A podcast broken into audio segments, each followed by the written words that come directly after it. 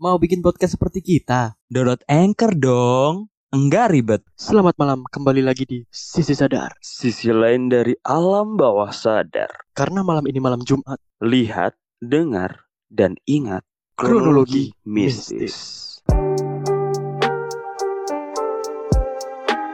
kembali lagi di Sisi Sadar bersama saya Riz Gavara. Bersama saya Sena yang saat ini lagi perjanjian dengan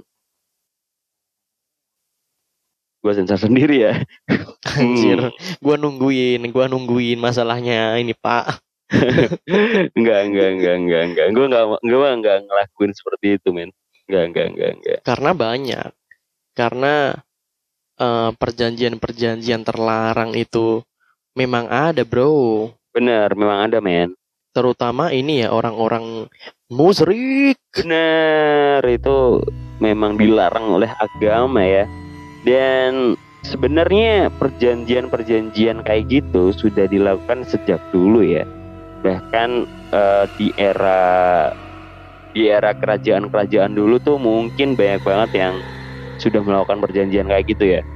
Bisa dilihat dari eh, terbentuknya candi Prambanan yang waktu itu dibantu oleh jin ya kan. Ya ya pasti harusnya eh, ketika membuat satu candi seribu candi ya seribu candi dalam satu malam Hmm, itu nggak mungkin kan dilakukan oleh satu orang gitu kan iya sama manusia biasa gitu ya.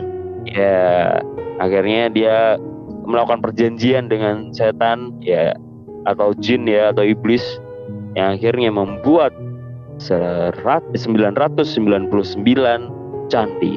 Tidak lengkap. Satu aja. Waduh. gagal bro. Ya gitu bro. Sebenarnya yang kita ambil tuh sebenarnya gara-gara satu cewek ini minta satu satu eh, apa sih namanya kayak gitu tuh keinginan ya atau Permintaan. permintaan yang cukup cukup sulit gitu ya. Bukan cukup sulit, men. Itu sulit banget, cuy. sangat sulit ya sangat sulit apalagi dilakukan oleh manusia Tapi lu percaya nggak sama cerita itu? percaya apa bro Iya, sama ceritanya. kalau cerita kan bisa aja dibesarkan atau di eh, kurang-kurangkan gitu kan. Jadi kalau gua dari nangkap cerita tuh yang gua ambil ya wanita itu kalau misal udah minta eh, permintaan yang sulit ya berarti dia tidak jatuh cinta dengan tulus dengan kamu gitu. Waduh, waduh. Waduh. Ih, bagus banget nih Waduh. kata-katanya nih, tumben banget nih. Si Waduh. mamang-mamang nih. Waduh, waduh. Kok bagus, Bro? biasanya biasanya lu anjir lah kan kan duta asmara. Gue udah resign ya. Jadi Oh. gue udah resign. Oke. Tapi bagus Oke. sih, memang mungkin kayak gitu ya. Jadi buat temen-temen kalau misal kalian nembak cewek gitu ya, terus minta apa gitu, mungkin tiba-tiba ya mirip-mirip bikin candi gitu yang mustahil itu berarti dia tidak mencintai kalian. Bener. Atau disuruh ngoleksi seribu kartu Pokemon mungkin kan. Kamu harus nangkep Pokemon gitu ya. Mahal bro, soalnya mahal. Anjir. Kenapa Pokemon Tapi ya? ini bro, perjanjian-perjanjian kayak gitu tuh tidak hanya dilakukan sama orang-orang zaman dulu, tapi zaman sekarang itu menurut gua untuk popularitas, untuk penglaris, Hmm, itu kan pasti mereka melakukan perjanjian terlarang itu, cuy. bener, bener. Bahkan banyak banget ya yang sampai sekarang pun juga tempat-tempat kayak pesugihan, terus minta pengasih atau penglaris kayak gitu-gitu tuh masih banyak bro. Bahkan Masih banyak memang. dan mungkin memang masih dipercaya tapi gua nggak tahu secara real gimana mereka melakukan perjanjian itu pasti ada ritual-ritual yang harus dilakukan gitu bahkan mungkin pantangan atau sesajen atau permintaan-permintaan yang khusus dibuat ketika ada ritual seperti itu Bener. Dan ini ya, biasanya itu perjanjian-perjanjian seperti itu tuh taruhannya tuh nyawa mereka sendiri, cuy.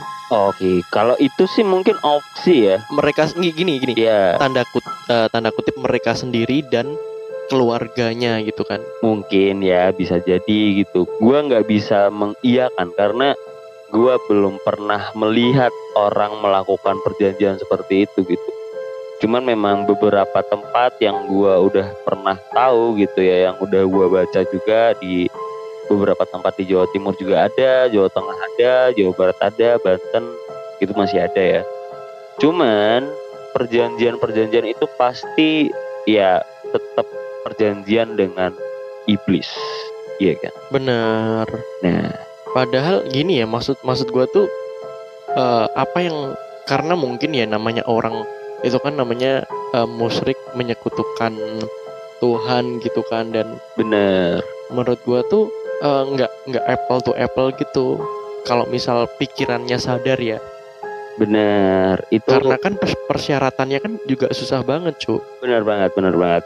Bahkan bisa, ya itu tadi ya opsi ya, itu kalau untuk perjanjian seperti itu bisa aja menumbalkan atau memberikan soulnya atau jiwanya dia kepada iblis itu gitu. Bener. Dan ini juga kayaknya juga udah pernah gua jelasin di kemarin ya yang eh, artis-artis yang menjual jiwanya kepada setan. Uh bener tuh. Mungkin bisa dengerin lagi ya Yoi. di podcast kita. Gue lupa juga namanya, tapi dengerin aja di bawah tuh ada. Kalian dengerin aja tentang artis-artis yang yang kalau nggak salah artis-artis yang melakukan apa ya penyembahan kepada jin gitu ya. Ya perjanjian Duh, itu untuk lagi. karena ini men. Inti intinya itulah. Iya, gue pernah nih nonton satu YouTube gitu ya. Jadi itu sebenarnya acara orang-orang Kristen. Jadi ada anak muda dia eh, dulunya katanya dia tuh mantan kayak Mongol gitulah. Dia tuh ikut sekte kayak gitu. Oke, Nah. gue tahu tuh. Katanya itu eh, sekte itu ketika dilihat dari, dari luar gitu ya kayak orang yang orang apa Kristen yang sedang melakukan ibadah gitu kan. Nah, Bener. kebetulan tempat sembahyangnya itu di mall katanya. jadi tuh- Oke.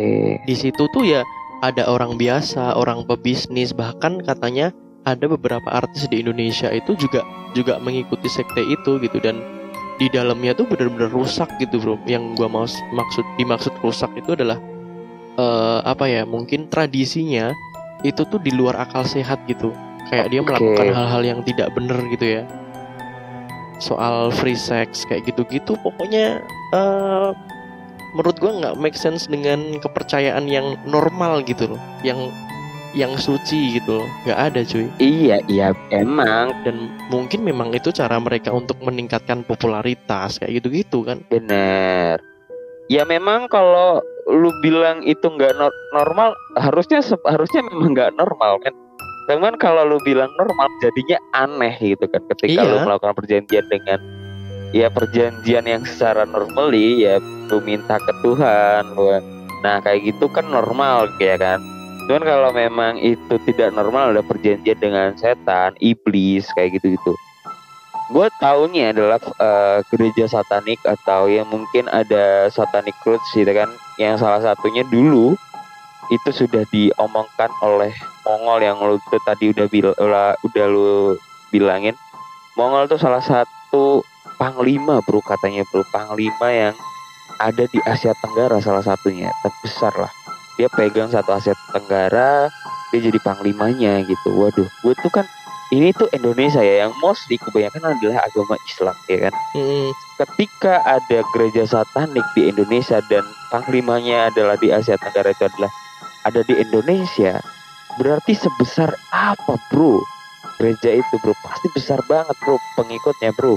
Gak mungkin kan cuma satu dua Iya orang sih. kan? Iya kan? Lu tahu nggak yang disasar itu siapa targetnya? Nggak tahu nggak tahu.